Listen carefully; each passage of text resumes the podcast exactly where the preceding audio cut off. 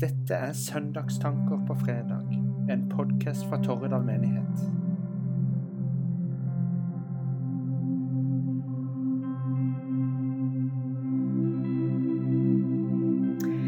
Ja, nå skal jeg ønske velkommen til et eksperiment. Og jeg kjenner at nå er det litt sånn sommerfugler i magen her. For nå sitter vi tre stykker, Katrine Leif Egil og Liv Turid, og skal prøve å lage en podkast som vi har kalt 'Søndagstanker i Torridal'. Og da har vi tenkt å prate litt om eh, teksten for kommende søndag. Men vi må presentere oss litt sånn før vi starter. Eh, Det er Leif Egil og meg som skal ha eh, hovedansvaret, og så har vi gjest i dag. Så vi kan begynne med Katrine og presentere Katrine. Kan ikke du gjøre det sjøl, Katrine? Si hvem du er. Og... Det kan jeg, Ja. vet du. Jeg heter Katrine Refsti. Jeg jobber her i eh, menigheten som trosopplærer. Jeg bor på Mosby, har mann og fire barn. Og er veldig spent på dette nye med podkast. Det har jeg aldri vært med på før. og du, Leif Ege, kan ikke du si litt om hvem du er? Jo, eh, det kan jeg. Eh, Jeg jobber jo også som eh, Jeg jobber også i menigheten. eh, Ungdomsleder. Eh, Jeg er litt mer kjent med podkastformatet. Jeg har hatt en podkast tidligere som heter Troen i trøbbel. Eh, Utover det så eh, har jeg akkurat gifta meg og er i tidlig fase i familielivet. Og studerer filosofi. Jeg tror det er grei start. Mm. Og jeg heter altså Liv Turid Blesvig og er prest her i Tårdal. Og er gift og har barn og barnebarn. Eh, så skal vi altså snakke om søndagens tekster. Eh, og Katrine, hvorfor er du gjest i dag? Jo, det er rett og slett fordi at jeg har blitt utfordra på å ha en eh, slags andakt. Vi kaller det ikke preken, for det er ikke så langt, men vi lager noen små videosnutter nå når ikke vi kan treffes i gudstjeneste. Og da har jeg fått lov å prøve meg på det nå førstkommende søndag, 3. mai. Ja, så da blir det Nå forbereder vi på en måte en sånn videosnutter som, Ja. som skal vises til, til helga. Ja. Ja, så de som er interessert, kan høre en podkast. Ja. Og så kan de få se resultatet av andakten. Kan jo komme inn noen nye innspill i dag, ja. ikke vel. Ja, ja da, for dette er jo bare sånn litt for å få tankene i svevet. Ja. Eller i sving. Ja, så det må vi se. Men så har jeg sett på, for vi har planlagt å lage en podkast nå ut mai, på søndager som vi skal ha, skulle hatt gudstjeneste. Mm. Eh, og så har jeg sett på at det er åtte sønn- og helligdager. Mm. Og av de åtte så er seks av tekstene fra Johannesevangeliet. Mm. Og da hadde vi tenkt at kanskje vi skulle si litt om Johannesevangeliet før vi går rett på, på den teksten som er søndagens tekst. Mm. Og da, Leif Ege, så kan det jo være at det passer godt at du studerer, studerer filosofi. For, for Johannesevangeliet, det er jo eh, Det er jo noen som syns at det er ganske sånn filosofisk også. Ja. Mm. Det, det er jo på mange måter kjent for å være det mest teologiske eh, evangeliet. Eh, men så er det også eh, litt spennende at det, eh, det er faktisk også det eh, evangeliet som inneholder flest sånn historiske detaljer. Mm. Eh, referanser til byer og mange sånne småting. Ja. Eh, så selv om det ofte regnes som at det er skrevet seint, eh, så har det mange sånne detaljer. Ja, Ja. Og jeg leste, jeg leste om Johannesevangeliet. Det var en klok mann som sa at Johannesevangeliet det er som en kulp eller et basseng eh, hvor et lite barn kan vasse. Men samtidig så kan en elefant svømme i det, denne kulpen eller bassenget. Og det er jo ganske flott. Ja, jeg, jeg vil jo si at det, det beskriver mye av, av Bibelen, men, men kanskje også særlig Johannes. Ja, for, eh, fordi at eh, altså nybegynnere Uh, i, i, uh, i uh, kristenlivet ha, har stor nytte og glede av å lese Johannes-evangeliet, Tenker du ikke det? Jo, absolutt. Ja. Samtidig som Johannes evangeliet er så sterkt knytta mot Gamle testamentet og alt sånn, at du får en enda større dybde med å lese Mm. og forstå hele konteksten, så tror jeg det å bare lese boka i seg sjøl du får så vanvittig mye fra det allerede da. Ja. Mm. Og så har jeg også eh, lest at folk som har studert Johannes, altså som forskere eller bibelteologer, har, har, eh, har lest Johannes og studert det i årevis, stadig finner nye, nye ting altså, som, som de opplever som fremmed eller uh, underlig eller uforståelig. Så det er dybder i evangeliet som eh, Mm. som er ganske sånn enorme. Du, du, en blir på en måte ikke ferdig med det. Og det kan jeg selvfølgelig si om mye av Bibelen. Ja, ja. Det, det, det kan jeg, men, men, eh, men at det er, det er et spesielt evangelium. Ja. Mm. Og så tenker jeg det òg litt spesielt at, at en veldig stor del av Johannes handler om påskeuka. Og en stor del av det òg handler om, eller er samtaler som Jesus har med sine nærmeste. Og, og, og det òg syns jeg er en sånn som gjør det ekstra fint. Altså vi får så mye sånn del i den der samtalen Mm. som han hadde med sine i Eller både med sine og med folk rundt seg som han traff i løpet av den siste uka Mm. av livet sitt Mm. på jorda. Mm. Og jeg tenker Noe av det du sier der, Katrine eh, eh, Det er jo litt diskusjon om hvem som har skrevet Johannes-evangeliet. Om det er disippelen Johannes, eller Ja. om det er en annen. Og jeg tenker, og, det du også trakk inn, Leif Egil, med at det er så mange eh, altså Det er stedsangivelser, det er navn Mm. som ikke de andre evangeliene har med seg. eh, Det er klokkeslett. Mm. Eh, Det er så mye sånn eh, øyevitnedetaljer som, som Johannes har med. Mm. Så jeg tenker det er vanskelig å tenke at det ikke skulle være Johannes Ja. som har skrevet det. Ja. Eh, og så er det én ting som jeg syns er Det er både fint, og så er det litt rart. Eh, at disippelen Johannes han er jo aldri navngitt Mm. i, i evangeliet. Han blir bare kalt eh, den disippelen som Jesus elsket. Mm. Ja. Det er, det er ganske spesielt. Ja. Ja. Og, og det tenker jeg hadde, hadde en som hadde stått på utsida, hadde ikke det vært litt rart å omtale en av disiplene som den disippel som Jesus elsker? Mm. For noen sier at det er underlig at Johannes kan skrive det om seg sjøl, men, men det syns jeg kanskje er mer naturlig. At, at det er en sjøl som sier å, jeg har opplevd at Jesus elsker meg. Mm. At, at han kan bruke det navnet om seg sjøl. ja. Det, det er jo et flott navn. Jeg tenker det er kjempefint. Og så eh, hadde de kanskje et spesielt forhold. Altså han var jo, Johannes var jo den som eh, lå ved siden av Jesus når de spiste det siste måltidet. Ja. Og en annen ting som også er fint med, med Jesus og Johannes, det er at eh, når Jesus henger på korset, så er Johannes den eneste av disiplene som vi vet var der. ja. Det står ikke noe om de andre, det står noe om kvinnene og Johannes. Mm. Og så sier Jesus til Johannes at der er din mor. Altså ta vare på min mor når jeg dør nå. Det, det er jo ganske rørende. ja. Så jeg tenker han må ha sett noen kvaliteter ved Johannes som, eh, som eh, har vært eh, ja, veldig flotte. Ja. Ja. Mm. Em, kan vi si noe om hvorfor det er skrevet, Leif Egil? Ja, altså um, Johannes sier jo sjøl i slutten av, av evangeliet at um, grunnen til at han har skrevet evangeliet, det er nettopp så vi skal bli uh, overbevist om at uh, Jesus faktisk er Messias. Ehm, så, så det er liksom Det er veldig enkelt å, å si. Han sier det rett ut. Um, Tenker du, tenker du at han For det står jo at han, at han sier det, men tenker du at han har, har gjort som han har sagt? Kan vi komme til tro på Jesus ved å lese, lese evangeliet? På at Jesus er Guds sønn? Uh, det tror jeg man kan. Eh, mye fordi han, han, han har en veldig, veldig god oppbygning. Uh, han begynner med å koble det evige ordet med Jesus konkret. Mm. Um, så han sier der at Jesus er Gud. Mm. Uh, og så, uh, de neste elleve kapitlene, bruker han på å uh, forklare liksom, jo, men se her, dette her gjorde han, og sånn gjorde han, og sånn skjedde. Mm. Så han forklarer hele tida liksom, her har du faktisk gode grunner til å tro at dette her er sant. Mm. Eh, og så går han, zoomer han skikkelig inn, sånn som du allerede har sagt, at eh, eh, siste halvdelen av, av Johannes evangeliet går på det virkelig store eh, siste dagene Mm. eh, og oppstandelsen. Mm. Ja.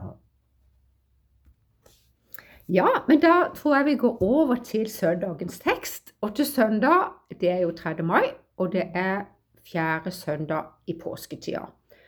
Eh, og vi har jo lagt påska bak oss. Men teksten for søndag som kommer, det er rett og slett fra avskjedstalen Ja. til Jesus. Ja. Og så han forbereder eh, disiplene på det, på det som skal skje.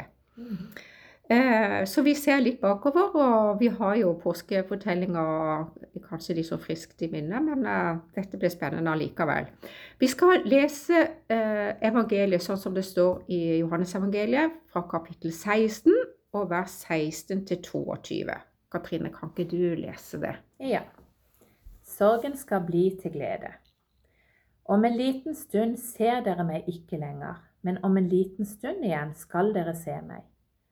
Da sa noen av disiplene hans til hverandre, hva mener han med å si, om en liten stund ser dere meg ikke lenger, men om en liten stund igjen skal dere se meg, og jeg går til far?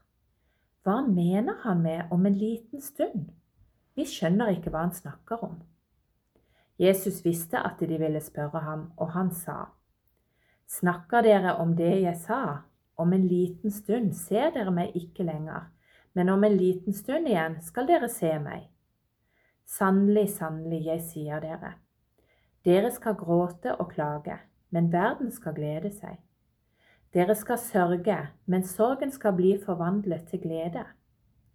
Når en kvinne skal føde, er hun engstelig, for hennes time er kommet. Men når barnet er født, har hun glemt smertene i sin glede over at et menneske er kommet til verden. Også dere er engstelige nå, men jeg skal se dere igjen, og hjertet deres skal glede seg, og ingen skal ta gleden fra dere. Ja, slik lyder det hellige evangelium. Eh, jeg må jo si at jeg er glad jeg ikke skal preke til søndag.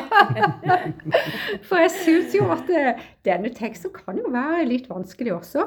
Mm. Eh, og Jesus, eh, eller disiplene sa vi skjønner ikke hva han snakker om. Ja, Og det kan jo noen være, tenke når en får en sånn tekst. Men det som jeg syns er litt underlig, det er jo at syv ganger så bruker de ordet, eller uttrykket 'om en liten stund'. Ja. Det, er, det går igjen. Så jeg tenker det er vanskelig å følge med. Om en liten stund så blir jeg borte, om en liten stund så ser de meg. Og, ja.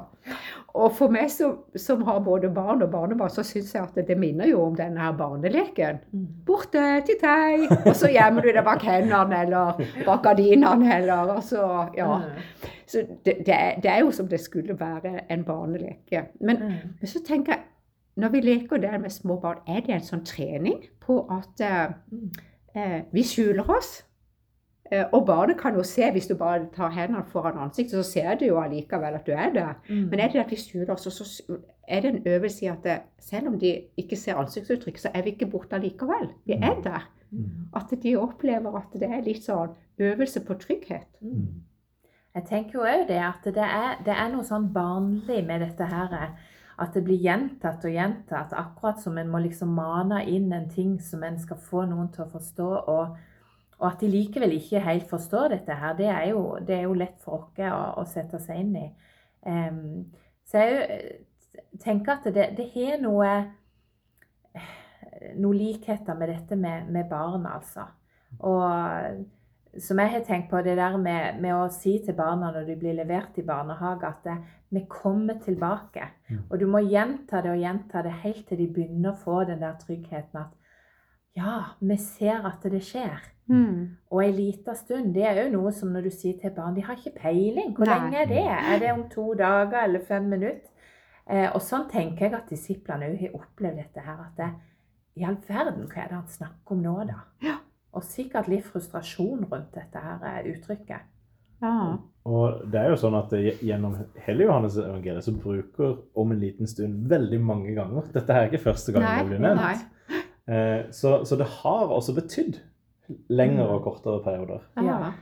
Um, og, og det er jo litt sånn uh, For oss i etterkant så er det kanskje litt lettere å, å forstå hva han faktisk snakker om. Mm. Eh, men, men det må være veldig vanskelig for de i sin situasjon, Mm. som ikke vet hva som kommer. Mm. Men, men når eh, Johannes skriver dette her, så eh, har jo de han skriver til, eh, sannsynligvis hørt dette her før. Kanskje er det første gang de hører Johannes-evangeliet, men det var vanlig å høre, altså lese mange mange ganger. Mm. Mm. Så, så til og med når du hørte det første gang, så var det på en måte en slags forventning at dette her kommer til å komme flere ganger. Mm. Ja. Ja. Ja, eh, altså hva er det han egentlig snakker om, Mm. Jesus? Eh, er det de dagene mellom eh, korsfestelsen og oppstandelsen? Eh, for det er jo en kort tid. Mm. Ja. Det er en liten stund. Ja, det er det, det, er, det er en liten stund. Ja. Og det er ikke sikkert at de skjønte at det var det han snakket om heller. Nei. For hvis, altså, han hadde jo prøvd å forberede dem på at han skulle dø og stå opp igjen. Mm. Men det er jo akkurat som de ikke har skjønt det. Mm. Det var nokså utenkelig Mm. at, det, Ja. at det skulle skje, selv om man snakka om det og, og skulle forberede dem. så, så er det vel nesten noe med at, det, at det, hører du noe som er så vanskelig, så fortrenger du det. Mm. Og derfor forstår du ikke det. altså Så om det var det han henviste til, eller om det var lenger fram i tid, at han skulle komme tilbake flere ganger og Mm. vise seg, eller om det òg kan henvise til en gang han skal komme tilbake. Ja da, tenker du de siste tida Ja. og, Jesu gjenkomst? Mm. Ja. For det tidsperspektivet er jo ikke alltid så lett å forstå Mm. seg på. Nei, nei, det er ikke det. Og da eh, altså jeg tenker litt sånn nå Det er et mellomrom mellom Ja. noe som, som har skjedd og noe som skal skje. Mm. At de går på vent. Mm. Og det ligner jo litt på den tida som vi lever i nå. Ja. Mm. Altså, koronaen har, lo- har lukka ned veldig mye av, av det vi er vant til å ha. Altså tilgang på, på gudstjeneste, siden vi er her vi er nå. Ja. Eh, skolene som så vidt har begynt å åpne. En del eh, bedrifter og frisørsalonger som har vært nede lenge. Vi har jo gått på vent. Og det er jo en underlig tid. Mm. Ja. Og så går vi, ikke minst så går vi jo hele tida på vent på å få ny informasjon. ja. Og det tenker jeg de spør, ikke sant. De vil spørre om, og Jesus skjønner at de vil spørre han om det. Kan vi ikke liksom få litt mer informasjon enn dette her du sier nå? Mm. Og det er jo sånn vi går nå og venter på. Kommer det noen nye retningslinjer? Ja. Noe som gjør at vi forstår bedre hvordan det skal bli videre. Mm. Ja. Så det er jo mye likt med den tida vi er oppe i. Ja, ja, det er det. Og så en annen ting som de snakker om, det er jo det at, eh, at eh, det skal være gråt og klage, det skal være smerte. Og så skal det forvandles til glede. Mm. Hva snakker han om da? Er det bare sin død og oppstandelse han snakker da? At de skal se han igjen, eller Ja. kan, kan vi trekke det Kan vi trekke det, altså vår verd, verden inn i dette? Altså, det er mye smerte i vår verden. Mm. Eh, er det for å si at eh, dere, dere har det vanskelig nå, men Mm. en gang så blir dette vendt til glede? Mm. Er det noe sånn håpsperspektiv inni det? Altså for mennesker i dag, tro? Mm. Så I Johannes evangeliet så er det veldig mye som peker framover. Eh, og no, noen ganger, så er, eller mange ganger, veldig ofte er det veldig vanskelig å eh, vite hvor langt fram peker det. Eh, og det er jo også litt fordi at det er en del eh, Altså, det ligner en del. Eh, det er glede når Jesus står opp igjen. Mm. Og det også, og det- det er jo Jesu oppstandelse. Mm. Det er også glede når vi igjen skal oppstå. Um, så, så nettopp fordi at det, det er en del uh, likheter, så er det uh, vanskelig å, å naile ned hva mente han helt konkret. Mm. Og kanskje er det også noe av det fine. Det, ofte, så, sånn som vi ser eh, evangeliene behandle Gamle testamentet, så ser vi at det, eh, noe vi kanskje tenker jo, men det må jo ha betydd det som var rett foran der. Så sier de å nei, men dette her pekte mot Jesus. Mm. Mm. Eh, så, så at det har dobbel mening, det tror jeg det er akkurat sånn det skal være. Ja, det Mm. tenker jeg. For ellers så hadde det vært ord til de som levde da, Ja. Mm. som han sa det til. Men, men, eh, men jeg tenker jo også at det er ord til meg. Mm. Det er jo det. Ja. Ja. Og dette med, med glede og sorg er jo, er jo en naturlig del av alles liv. I, mm. I Mm. større og mindre grad, selvfølgelig. Men, men jeg tenker det er jo òg noe som, som forteller meg, iallfall når jeg leser den teksten, at det, at det at jeg har, har Jesus med meg i mitt liv, det, det er ikke noe garanti for at livet er bare en lykkerus. Nei. Det er sorger der òg, og der er motgang og vanskelige ting. Um, men så er det med på å forme oss som mennesker. Det er med på å Litt motvind gjør oss litt sterkere. Så, så jeg tenker det kan òg være et sånn bilde på at livet vil romme sorg, og det vil romme glede. Mm. Og det vil det absolutt gjøre for disiplene òg videre. Vi Mm. vet jo at de fikk jo ikke et enkelt liv, selv om de eh, brukte livet Mm. sitt videre til å Mm. fortelle. Og så var det kjempetøft. Mm. Og så er det der eh, håpet om den gleden som skal komme, da. Mm. Både i løpet av livet, men, men en gang som alt skal være snudd til glede. Det er jo det som en kan trøste seg med når det, når det er Mm. tungt. Mm. Men sånn helt personlig, Katrine. eh, Kjenner du i hverdagen eller i livet at, at du har, har en trøst av den gleden som du venter på? Eh, Betyr det noe for deg sånn i, i, i uh, hverdagen? Eller er det bare For det, det, det kan jo lett bli fine ord, tenker jeg. Men, Mm. men betyr det noe for oss sånn konkret i hverdagen? Mm. Jeg tenker absolutt at det betyr Det, det gir meg en trygghet eh, gjennom hverdagen å ha noe å se fram mot og tenke på. Eh, men jeg føler jo at jeg får de der glimtene av den gleden i løpet av hverdagen. I møte med andre mennesker, i eh, naturen, altså i små ting som en plutselig kan få en sånn lykkefølelse av, som kanskje ikke varer mer enn noen minutter, men som er et, et, eh, en forsmak på at en gang så skal det faktisk være så trygt og godt hele tida. Mm. Um, og det er en veldig, jeg syns det er en veldig trygghet for meg å ha det med i livet. Mm. Og kanskje en enda større trygghet for de som virkelig har et tøft liv. Mm. Eh, mye tøffere enn jeg noen gang har opplevd å ha det. Mm. Så skjønner jeg veldig godt at det å, å ha det håpet foran seg, det er kanskje det som holder en i gang. Mm. Mm. Mm. Jeg tenker også at vi må komme inn på det bildet Jesus bruker eh, når han sammenligner disiplene sine med en kvinne som skal føde. Mm. For det var jo ganske eh, spesielt at, at de ble sammenligna med det. At han trekker inn dette kvinneperspektivet. Mm. og de fødende kvinnene de var jo ureine. Ja. Og så sammenligner han eh, eh, disiplene med, med en, en uren kvinne. Det, det syns jeg er ganske, ganske sterkt. Mm. Og nå har jo både du og meg født, Katrine, så vi vet jo, vi vet jo litt, eh, litt om det. Ja. Og jeg må jo si, det er jo ikke så ukjent. Det er ikke så gjenkjennbart, dette her. Ja, at en er litt sånn engstelig, og så gleder en seg samtidig. ja. Og så vet en at de smertene kan en godt holde ut, fordi at eh, gleden ved å få et barn ja. overgår det.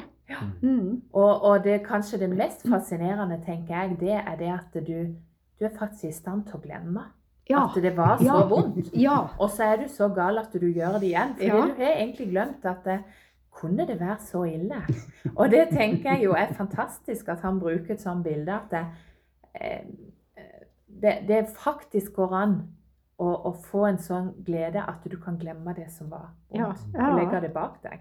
Du, det syns jeg var veldig godt sagt, for da jeg gikk til jobb i dag, så tenkte jeg på dette her vi skulle snakke om. Ja. Så tenkte jeg nei, jeg husker ikke Nå har jeg født tre Mm. barn. Jeg husker ikke at det var så vondt. Jeg gjør ikke det. Ikke i det hele tatt. Nei. Så det husker Det Husker er gleden. noe- Ja, det er den der gleden som overskygger det. Og, og jeg har ikke behov for å gjøre det igjen, for å si det sånn. Men, men, men det er noe med at det tar så kort tid. Når, når du oppnår det som var eh, så fantastisk og et under som det er for det barnet, så tar det så kort tid før du plutselig liksom kan legge det grusomme smerten bak. Ja. ja. Og det, det syns jeg jo er et sånn veldig talende bilde framover mot eh, den dagen Jesus skal komme igjen. Ja. Mm. Mm. ja. Apropos svangerskap. Det er en som har sagt at det, det å være kristen, det handler om å være svanger med håpet om et nytt liv. Og det syns jeg var ganske flott sagt. Mm. Nå tror jeg vi går mot en sånn avslutning, Katrine. Og da har jeg lyst til å utfordre deg på å si litt hva du syns er det viktigste eller det fineste med, med denne teksten, som uh, du skal spille en, en liten videosnutt om. Ja. Ja. Eh, det er jo som vi var innom fra begynnelsen, at det, det er jo en vanskelig tekst på mange måter, med mange spørsmål i. Eh, men jeg syns jo på slutten så er det noe som er veldig fint. Eh, og det er at Jesus sier 'Men jeg skal se dere igjen'. Og, og jeg tenker at det, det, skulle vel egentlig stå omvendt. 'Dere skal se meg igjen'. Men, men det at han skriver at jeg skal, eller det at han sier at 'jeg skal se dere igjen', det viser for meg at Jesus bare gleder seg så veldig til å kunne være sammen med oss igjen. Fysisk, og ikke bare via Den hellige ånd. Og at Jesus sin glede over å se oss igjen, den er større enn vi kan fatte oss. Selv om vi gleder oss til å se han, så er hans lengsel etter menneskene enda større enn vår lengsel etter han. Det syns jeg er en fantastisk setning. Iallfall sånn som jeg oppfatter det. Mm. For han snur litt på det der i forhold til det som står tidligere. Eh, og så har jeg jo lyst til å si eh, en setning som ikke er med i søndagens tekst, men som kommer i vers 23. Og der viser han jo til på den dagen, altså den dagen når hjertet vårt skal glede seg, da skal dere ikke ha mer å spørre meg om. Og det er så godt for meg, altså For det er mange spørsmål som ikke vi får svar på. Og vi kan lete, og vi kan studere, og vi kan be. Men jeg tror vi må godta det at det er mange ting vi ikke skjønner. Mm. Eh, og for meg så er det bare en spenning i det at en gang skal jeg forstå det. Det blir kjempestas. Mm. Mm. Da tenker jeg at hjertet skal glede seg veldig. Ja. Det var nydelig, Katrine. Mm. Jeg gleder meg til videostudien som kommer til søndag. Det blir veldig spennende. Ja. Det gjør det. Nå har vi forberedt oss litt på, på hva som kommer, så det, det blir bra. Men vi vil avslutte med å be søndagens bønn. Nådige Gud, du som har gjort i stand et rom for oss og lovet å aldri forlate oss, vi ber deg. Lær oss å elske deg og hverandre, så heller ikke vi forlater deg, men en gang kan samles i ditt rike, ved Jesus Kristus, som med deg og Den hellige ånd lever og råder, en sann Gud, fra evighet til evighet. Amen.